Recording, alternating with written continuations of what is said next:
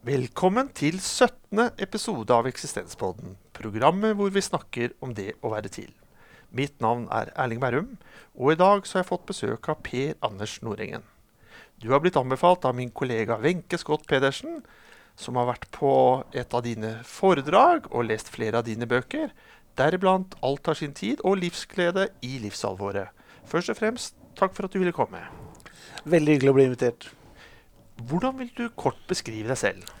Jeg syns det er morsomt å tenke at uh, istedenfor å si hva jeg gjør, så pleier jeg alltid å si litt hvem jeg er. Og jeg tror jeg er en helt vanlig, ordinær person som har nytt veldig mye av livets goder, og som samtidig har vært gjennom mye av det livet byr på, også av stressomhet. Så det, den er nok den jeg er. Hva tenker du kan være viktig å nevne om deg og ditt liv? Jeg har jo levd ganske lenge, da, og jeg har jo opplevd veldig mye. Jeg er utdanna teolog og har kanskje de to av de flotteste årene i mitt liv har vært i Sør-Afrika. Være prest i en svart kirke under apartheid, som har preget meg veldig på tro at det nytter å skape bedre ting, og tro at det, det er håp og muligheter uansett hvor mørkt det er. Så det er kanskje en av de mange tingene men, som samtidig har preget veldig mye av hele livet mitt. Du har også blitt bedt om å velge ut en grunnleggende dimensjon ved det å være til som menneske. Hva har du valgt som tema for dagens program? Jeg tror jeg kan summere det i én setning, og det er kanskje evnen til å klare å stå i ubehag. Og tenke at det å være menneske handler om at vi er nødt til å leve et liv på hele det spredde. Med både gode og vanskelige, og latter og tårer og glede og sorg. Og det er kanskje noe veldig mange sliter med i dag. Det er hverdagshelsen. Fordi vi har for forventninger om at livet skal være bedre enn det egentlig er. Og jeg tenker Det å være menneske, det å eksistere, det å leve, det handler også om å møte livets uh, alvor, livets nedturer, livets uventede endringer. Og i dag er det kanskje en egenskap vi har uh, glemt, og det er å evnen til å stå uansett hva slags ubehag jeg møter. Et nytt begrep i våre tider er jo bl.a. livsmestring. Hva tenker du om et slikt begrep? Eh, jeg har et dobbelt forhold til det ordet. Jeg er veldig glad for at livsmestring skal bli et fag i skolen. For jeg tror uh, ungdom og barn trenger å få noen innspill på hvordan livet er. Så innholdet i ordet livsmestring, det liker jeg. Men jeg liker ikke ordet livsmestring. Fordi at uh, livet er for meg ikke noe som skal mestres, men livet er noe som skal leves. Og jeg tenker at uh, nå hvis barn og unge som på en måte møter alle kravene om alt som skal mestres, alt jeg må få til, også livet skal mestres, da kan det, også det bli et nederlag. Men vi må på en måte ha et mer sånn avslappet, rolig, nydelig forhold til det å leve. Livet skal jeg leve, og ikke mestre. Så det er mitt dobbelte forhold til akkurat det med ordet livsmestring. At innholdet er fantastisk, og det trenger vi mer av. Men selve ordet kan, kan invitere til noe som vi ikke er så glad i. Du nevnte det at du har levd en stund. Og da tenker jeg, da har du gjort, mange, gjort deg mange erfaringer. Og har du mulighet til å liksom eh, eh, vise til noen erfaringer som har gitt deg noen sånn type aha-opplevelse i forhold til det temaet som du peker på, hvor du har liksom skjønt at eh, dette må jeg stå i, dette må jeg ikke flykte fra. Eh, dette er også en del av livet. Ja, jeg er så heldig at jeg um, ved siden av å reise rundt med mye foredrag osv., så, videre, så er jeg så heldig at jeg får lov til å jobbe én til to dager i uken som samtaleterapeut. Jeg jobber også med mennesker som er ganske sterk krise, i sorg, i, i sykdom. Og disse menneskene har beriket livet mitt og lært meg så mye. Og sammen med alle de livserfaringene fra eget liv som har vært sånn i møte med kanskje eksistensiell punk punktering av livet. Når vi går og skraper litt på grunnfjellet, så har både disse menneskene og mine egne livserfaringer lært meg noe om at det, nettopp det jeg kanskje sa i stad, at livet er, må leves, og det må Uansett hva som kommer, så må vi ikke gi opp. For det er, det er tyngden av livet vi kjenner. Og den er tung av og til, men det er bare tyngden av livet. Og det, jeg tror kanskje at det møtet med enkeltmennesker er er noe av det som har lært meg aller mest. Og sammenlignet med masse bøker å lese, så tenker jeg det å få lov å lese mennesker som er villige til å åpne seg og gi noe av sitt eget liv til meg, det har vært kanskje noe av de lær største lærdommen og berikelsen jeg har hatt. Har du noen eksempler på det du har opplevd som noe veldig vakkert da, eh, i et menneske i en vanskelig situasjon? Ja, jeg jobber eh, Jeg kan ta som eksempel. Jeg jobber en uke hvert halvår som leder for eh, det kurset på Montebello-senteret for de kreftsyke oppe i Hedmark som heter 'En dag skal du dø, men alle de andre dager skal du leve'. Og der er det mennesker som har uhelbredelig kreft, og deres pårørende. Og den uken der kjenner vi på en måte den dypeste smerte og den største glede, tror jeg. Og det var litt artig når det, det var en som skrev på evalueringen at kurset hadde vært dødsgøy. Da syns jeg liksom vi hadde fanget opp noe av det. For det er liksom den uken å leve både i angsten og frykten for det som skal komme, og komme litt før de hadde håpet, og samtidig kjenne på livets gleder. Og når jeg der får lov til å møte mennesker som sier at det, det å få kreft, å få så alvorlig kreft, snudde opp ned på, på, livet Det var til og med en dame som fortalte meg at det, hun ville ikke vært det foruten. Fordi at uh, møtet med dette eksistensielle gjorde at hun hadde snudd hele verdiapparatet sitt. Alt hadde blitt annerledes. Og om tiden skulle bli kortere igjen enn hun egentlig ville hatt, så ville hun ikke vært foruten den, den endringen i livet som gjorde at livet ble på en måte enda mer beriket uh, og annerledes, og andre verdier. Hvilken type erkjennelse har mennesker som da vet at de har veldig kort tid igjen, eh, mer av enn eh, vi som lever som om vi var evige? De har erkjennelse som vi burde ha, og tenke mer over, vi også. For det er ikke sikkert uh, jeg har lengre tid igjen i de, selv om de har fått en diagnose. Men de er, de, det er på en måte som at mennesker som får en sånn vekker om at uh, livet kan kan vare et halvt år til noen år. De får ikke vite hvor lenge, for det er så mye ny vitenskap nå. Men de, de, det er verdier som på en måte i vårt samfunn i dag i de verdiene som på en måte mange er så opptatt av, de betyr ikke så mye for dem lenger. Det er ikke så viktig med utseendet. Det er ikke så viktig med kroppens, hvordan den syns for andre. Det er ikke så viktig med vellykkethet, med jobben, men det er de helt grunnleggende verdiene som uh, tid med familie og venner, å få lov til å leve så gode dager som mulig, å få lov til å nyte de, altså de, de, de, har lært meg noe om å sette pris på de selvfølgelighetene. Og kanskje liksom at uh, ordet 'alminnelig' har blitt for meg i møte med disse menneskene kanskje det viktigste ordet i mitt liv. For de sier jo tenk om, 'tenk om livet kunne vært alminnelig'. Tenk om jeg kunne hatt den alminnelige jobben, den alminnelige kroppen. Og så tenker jeg jeg er så heldig å få lov til å ha så mye alminnelig. Så de lærer meg på en måte å sette pris på de verdiene vi har, men som vi rusher unna.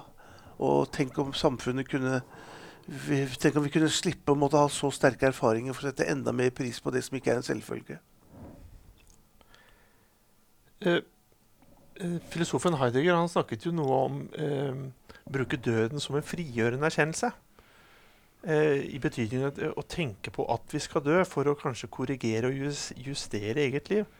Er det litt i tråd med de tanker som du er inne på? At man selv om man ikke har fått beskjed om at man snart skal dø osv., men likevel bør tenke om sin egen dødelighet, for på den måten kanskje justere livet sitt i retning av å ivareta den eh, alminneligheten da, som for mange mm. mennesker kanskje er en luksus, eh, som ikke alle er seg forunt lenger. Jeg er jo ikke i tvil om at eh, jo mer jeg lever med bevisstheten om at jeg skal dø, jo sterkere og rikere vil livet bli. Og det er jo underlig at, det, at vi går rundt at det, vi, det, eneste vi vet vi skal, det tør vi ikke å snakke om. Vi bruker ikke ordet død. Altså, døden er jo fjernet fra, fra, fra, fra hverdagssamfunnet. 70 dør i dag eh, langt borte fra hjemmet, på et sykehjem eller på et sykehus. Eh, det er sjelden man ser død hjemme. Og ordet død er jo også borte, merkelig nok. Og det tror jeg er en flukt. altså Bare en sånn uhøytidelig lesning av Aftenpostens dødsannonser tilsier at folk dør ikke lenger. Vi gjør alt annet. Vi, vi omskriver det med sånne enkle ord. Sovnet stille inn. Gikk bort. Ble hentet. Altså, og det tror jeg er en frykt for å bruke de sterke ordene. Men jeg er ikke i tvil om at møtet mitt med en del mennesker som da har vært døden nær, da, og det har beriket mitt liv på den måten at det, jeg vet at jeg en dag skal dø. Og da må jeg tenke at da må jeg leve enda sterkere, enda nydeligere, ta vare på alt jeg har. Og livet blir rikere av det. Noen tenker at hvis jeg går og tenker på døden, så vil, så vil jeg gå, kjenne da vil livet bli verre. Det er ikke sånn. Det er ikke sånn. Jeg tror at det, bevisstheten om døden, den gjør livet bedre og rikere. Og det er like naturlig å dø som å bli født. Og det må vi tørre å sette ord på, snakke om og tenke på. For, for sånn er det for oss alle. Hva tror du kan forklare vår, vår frykt for, eh, for, egen død, eller vår fortrengning av egen død? Hva er grunnen til at vi gjør det? Nei, altså Det er jo ikke, det er jo ikke tvil om at eh, døden er jo den, den, er jo ikke god, for døden er jo det endelige farvel til fellesskapet. Eh, jeg kjenner selv på at jeg kanskje ikke er redd for å dø, men jeg har ikke lyst til å miste det jeg nå har av mens jeg lever. Så det er ikke selve døden som frykter, men det er fordi at for, for mange av oss er livet så, så, godt, så viktig, det er så meningsfylt, at man vil ikke Jeg vil ikke forlate det. Så, så, så jeg tenker at det, Grunnen til det er vel at vi lever i, en, i, et samfunn, en kultur. Vi dyrker skjønnheten, ungdommen, det vitale vi skal leve evig, liksom. Og vi har sanger også om at vi skal bli gammel, men ikke, men ikke dø. Og vi, eldre mennesker bruker jo ikke ordet 'gammel' lenger. Så vi lever i et samfunn hvor kanskje Jeg tror ved å tørre å ta det inn, et samfunn som også verdsetter eldre mennesker på en annen måte enn vi gjør i samfunnet, vil også få en berikelse på, på helheten av livet. Og, og, der, og, der, hører døden også inn som naturlig. Jeg har jo for moro skyld sånn i noen sosiale sammenhenger hjemme hos oss. Og det er morsomt å bare spørre rundt bordet, liksom. Har noen av dere tenkt på hvordan dere har lyst til å dø? Og da blir det veldig sånn, da. Så alle skal på do, og vi har bare én do, og det blir lang kø. Inntil vi kanskje har drukket et par glass vin, og noen tør å, tør å snakke om det. Men hvorfor, hvorfor, snakker vi ikke om det? Hvorfor eh, tør vi ikke å tenke på det? Og det er jo noen som tror at hvis jeg tenker på det, så skjer det. Nei, det skjer jo ikke noe mer. Så, så, jeg er veldig opptatt av en åpenhet, og har på en måte kanskje vokst opp eh, i en sammenheng som ikke hadde noe ord og, følelse, ord og språk for det. I en litt besteborgerlig eh, familie her i Oslo. Og, og, og, selv så føler jeg at det er mitt møte med mennesker i de livsfasene som har tvunget meg til et møte med det inni meg selv, og dermed vært med på å berike livet. Opplevde du menneskenes eh, forhold til død som litt annerledes i Sør-Afrika enn i Norge? Kanskje ikke i forhold til døden, men jeg opplevde livet så veldig annerledes. Og det var kanskje fordi at jeg var prest i en farget menighet i Sør-Afrika under apartheid. Så det hele tiden vi var der, og det var de siste krampaktige årene også før Mandela ble løslatt og det store underet skjedde. Så jeg, jeg opplevde kanskje at selve livet, håpet, var, var annerledes. Synet på troen på Altså jeg hadde studert teologi og lest om håp og studert håp og skrevet oppgave om håp liksom, på universitetet her, men der møtte jeg det levende håpet som ikke ga opp, og som trodde på at det var mulig, og, og hvordan håpet er som drivkraft. Og jeg tenker jo, er det noe, et ord vi må holde oppe i dag, så er det kanskje håp. Og hjelpe hverandre å bære håpet. Og Jeg leste en nydelig setning som sier at helter er mennesker som hjelper andre til å bevare håpet. Og når jeg f.eks. har med disse jeg fortalte om fra Montebello og, og, og kreftsyke, så tenker jeg, så sier jeg til dem hva er håp? Og tenker jeg, dere, dere, skal ikke håpe på å bli friske, det tror jeg ikke dere blir. Men dere kan håpe på gode dager. Håpe på å ikke miste livsmotet.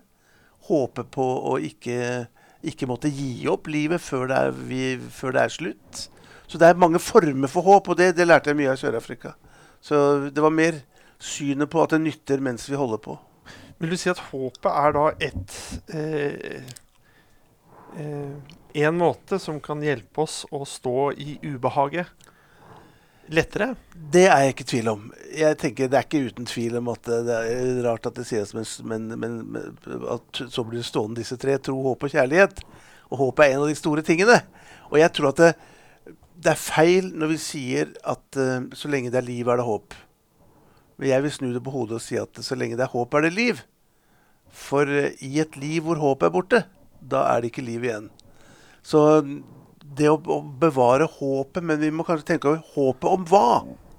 Og det er så mange som håper at man skal bli helt frisk, håper at man skal leve et rikt og godt liv, håper å bli lykkelig. Men jeg tenker, går det ikke an å ha noen små håp som bærer oss gjennom hverdagen? Håp om gode dager, håp om friske dager, håp om relasjoner, håp om å skape noe. Så jeg tenker at der hvor håpet er borte, da er, eh, da er hele dimensjonen av livet borte, tenker jeg. Du nevnte tidligere dette her med å kjenne på eh, livets tyngde. Eh, det fikk meg også til å tenke på dette begrepet til Milan Kundra, tilværelsens utholdelige letthet. Mm. Jeg, jeg, jeg, opplever at det er kanskje en sammenheng der. At eh, livets tyngde og tilværelsens utholdelige letthet har noe med hverandre å gjøre. Har du noen tanker om det? Ja, ja det, jeg, jeg, tror at eh, ved å ta inn mer alvor og mer tyngde, og kjenne på liksom hele spekteret av livet, og si at livet inneholder også vanskelige, tunge valg, situasjoner Vi møter alle uventede og ubehagelige uh, situasjoner i livet. Men å, å, å, ved å ikke frykte unna det, selv er jeg helt sånn uh, for tiden veldig opptatt av Per Gynt. Og det er kanskje fordi at Ibsen skrev for 152 år siden om meg. Og om blodet er aldri så tynt, man kjenner seg alltid igjen i Per Gynt. Og jeg syns at jeg lærer hans dårlige valg og hans, hans, dårlige sider, og håper ikke jeg gjør det selv. Og det verste der var jo den lettheten ved å gå utenom det. Og lytte til den indre stemmen, bøygen, i, i seg, som sier til oss alle på en måte i vanskelige situasjoner gå utenom og ikke ikke gå gjennom. Det er så lettere å gå utenom. Men ved å gjennomleve det og gå inn i det, så tror jeg på en måte at livet får en, en dimensjon som gjør livet enda større og rikere. En, eh, en dimensjon som jeg har kjennskap til, det er jo når eh, livet endrer seg fundamentalt. Bl.a. ved å miste noen. Det blir noe ugjenkallelig mm. eh, ved livet. Det syns jeg personlig var, eh, og er, vanskelig å forholde meg til. Eh, har du noen tanker om hvordan man liksom kan forholde seg til opplevelser og erfaringer i livet som på en måte forandrer livet helt? Da? Du får ikke det tilbake til slik det var. Det er altså noe med livets på en måte ugjenkallighet. Jeg, jeg, har, har skrevet en bok som heter 'Når forandring ikke fryder'. Og det er fordi at jeg fant ut for noen år siden For jeg jobber mye med endringer i næringslivet og i arbeidslivet. Og Så fant jeg ut at jeg har jo jeg har jobbet med endringer i hele mitt yrkesaktive liv. For da jeg var aktiv menighetspress, så jobbet jeg jo med de verste endringene mennesker kan oppleve. Da jobbet jeg med, med, Glemmer aldri et lite barn som døde i en ulykke i barnehagen. Jobber med foreldre og jobber med barnehagepersonale for å få livet til å fungere igjen osv. Så, videre. så så tenker jeg at det, Men alt er i endring. Det sa Heraklit, filosofen, 500 år før Kristus. Da sa han alt er endring, og hva skal vi si?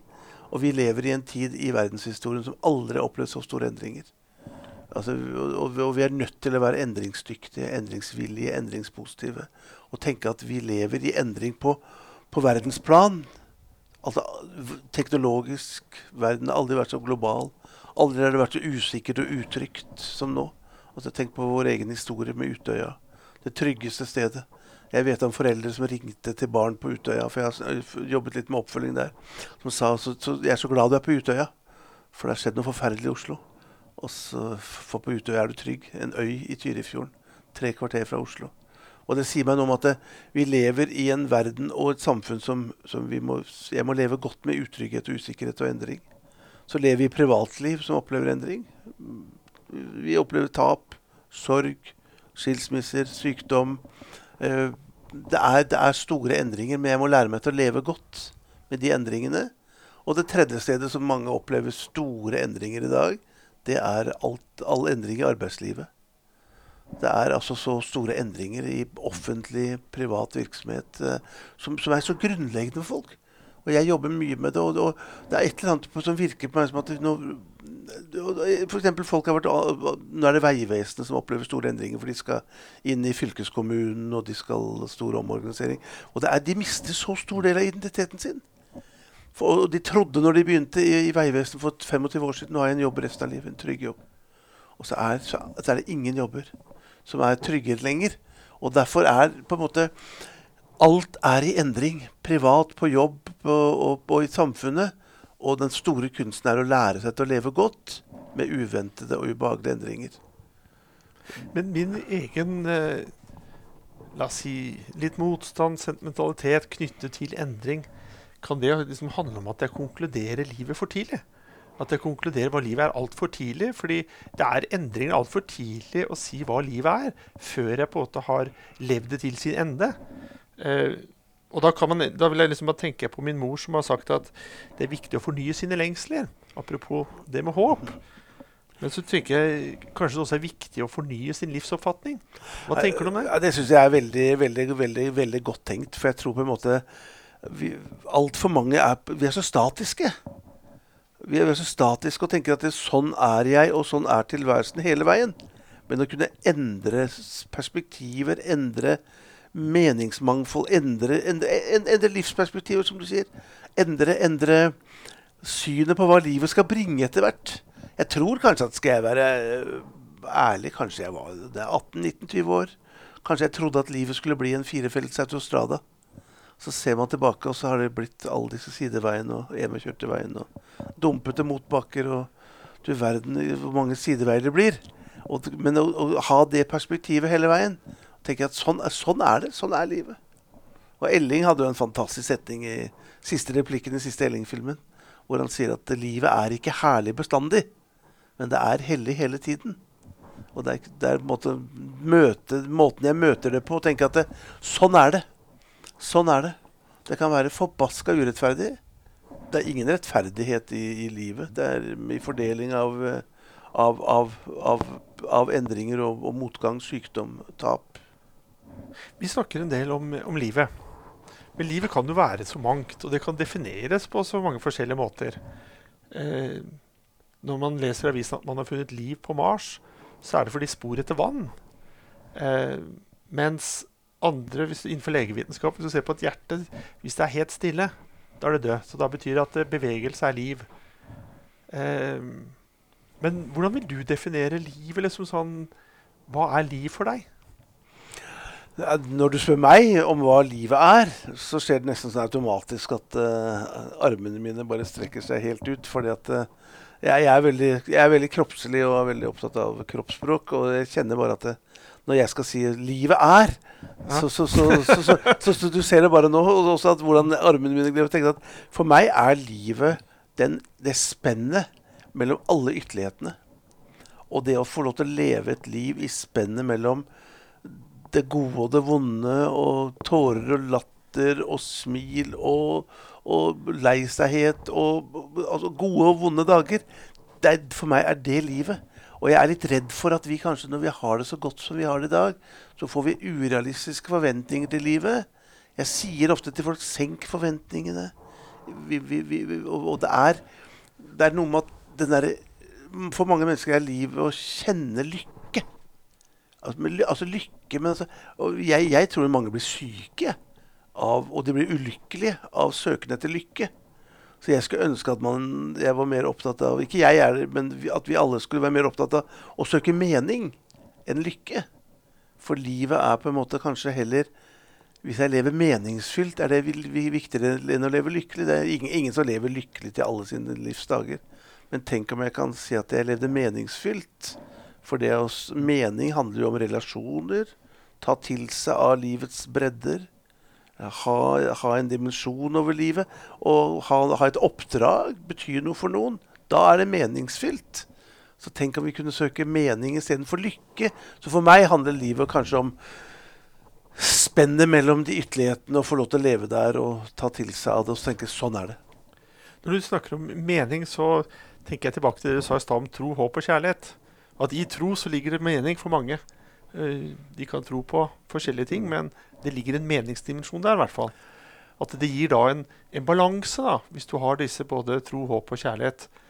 Og hvis vi kan snakke om balanse da, jeg, jeg, har tenkt mye på at det gjelder å finne gode balanser også. Mm. Har du noen perspektiv på liksom viktigheten av det å balansere eller finne balanser? Ja, ja og, da, og, da, tenker jeg at det er balanser mellom eh, På den måten at man kan, kan balansere litt mellom, mellom middelmådigheten. Altså, jeg, jeg, har, jeg, har, litt sånn sans for middelmådigheten. Jeg vil slå et, for, for, slå et stort slag for, uh, for, det gjennomsnittlige, det vanlige, det hverdagslige. Og balansere mellom, uh, mellom alle de tingene som er av uh, ro og aktivitet og, og samvær og ensomhet. Og så, og så, og så være, være, litt sånn fornøyd med det middelmådige. I dag skal alle være enere. Vi skal være på topp. Vi skal være vellykket, liksom. Og jeg, jeg er så lei meg for det paradokset. Hvorfor er det så mange som strever og sliter med livet, når vi egentlig aldri har hatt det så godt? Godt, uh... og, og, hvis vi hadde klart å balansere livet da i middelmådigheten, vært fornøyd med å være gjennomsnittlig Jeg, jeg, jeg, jeg er ikke noen femmer og sekser, men jeg er en treer og firer. Jeg er fornøyd med det. Og det, jeg, er god nok. Lillebjørn Nilsen, jeg vil være lykkelig gjennomsnittsmann. eller kvinne i et gjennomsnittsland. Han prøver jo å ta opp kanskje noe av det. Og kanskje noe av problemet vårt i dag er at vi skal være så veldig unike og spesielle. Eh, det er veldig enkelt i sånne sosiale sammenhenger hvis du ønsker å få litt oppmerksomhet. Det er bare å ta eh, posisjonen til det gjennomsnittlige eller middelmådige. For det er det ingen andre som tar. Da mm. får du veldig mye oppmerksomhet. hvis det er det du er ute etter. Jeg har gjort noen ganger mer sånn på skøy. da. Og tatt til orde for det som på en måte skal være gjennomsnittlig og middelmådig. Og syns det kan være helt ålreit. Ja. Jeg, jeg, begynte jo på å si når du spurte om jeg kunne presentere meg òg, så sa jeg vel at jeg er et helt vanlig, ordinært menneske, og jeg ser på meg som det. Og så kan jeg få lov å fylle det ut med mine egne livserfaringer på godt og på vondt. Og, og, og, og det er et eller annet som gjør i dag at det, folk skal være så gode. De skal jeg, jeg, er, jeg, er, jo kjempeglad for at jeg ikke er 16 år i dag. Jeg vet ikke om jeg hadde klart alle de forventningene som 16-åringer og 16 ungdom har til, har, har til, livet. Hvor det er så mye press på så mange ting. Men hvis vi kunne tatt inn ordene sånn 'godt nok' Vet du hva, Jeg er god nok.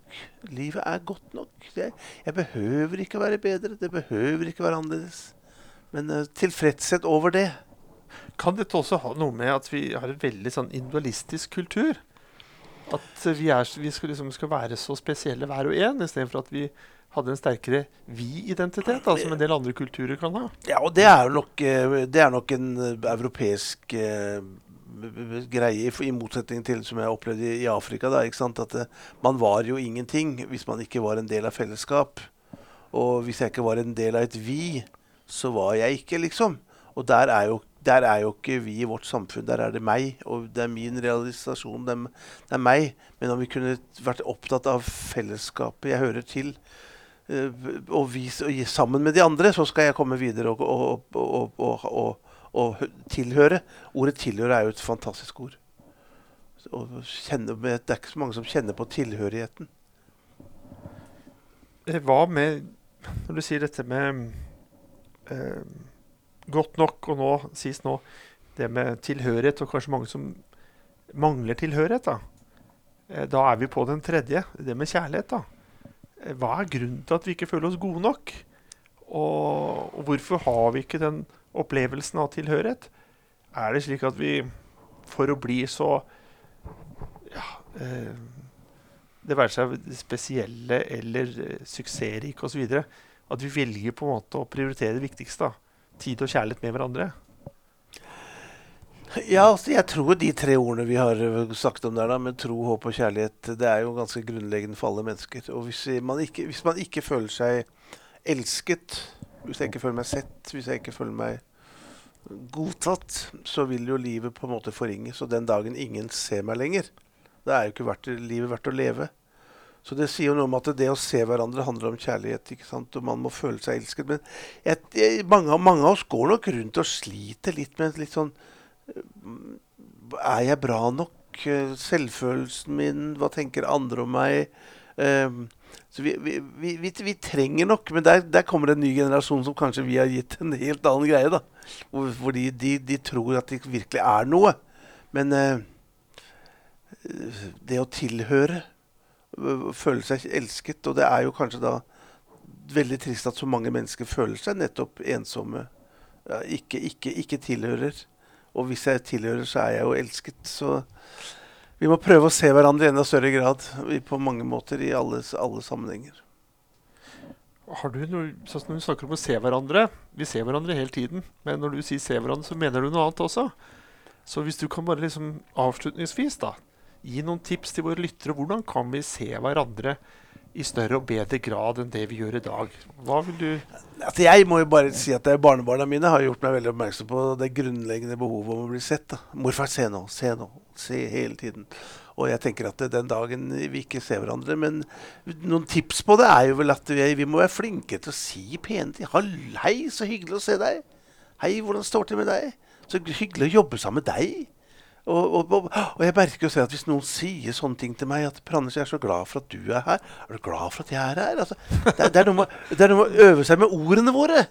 Og, det, og, og hvis, hvis, vi bruker ordene på en sånn måte som gjør at mennesket føler at det, ja, ja, ja, det er jo viktig at jeg er her. Det, noen ser meg. Og da og det er jo kanskje sånn, for å sitere kollega Bjørn Eidsvåg, da, ikke sant 'Jeg ser du har det vondt'. Og det, det går an å ha det vondt hvis noen ser det. Så være flinkere til å oppmuntre, se, gi tilbakemeldinger, inkludere. Jeg tror det var Nietzsche som sa at du skal liksom utfordre deg selv minst én gang hver dag. Men du kan vel kanskje si at man skal liksom eh, gi uttrykk for at man ser et annet menneske minst én gang om dagen. Det syns jeg er en veldig god regel å slutte med. Å skulle se enda en til i dag og gi uttrykk for det. Ja. Da takker jeg for samtalen. Eh, takker også lytterne som har fulgt oss denne halvtimen. Vi høres igjen, og inntil da, ha det bedre enn bra.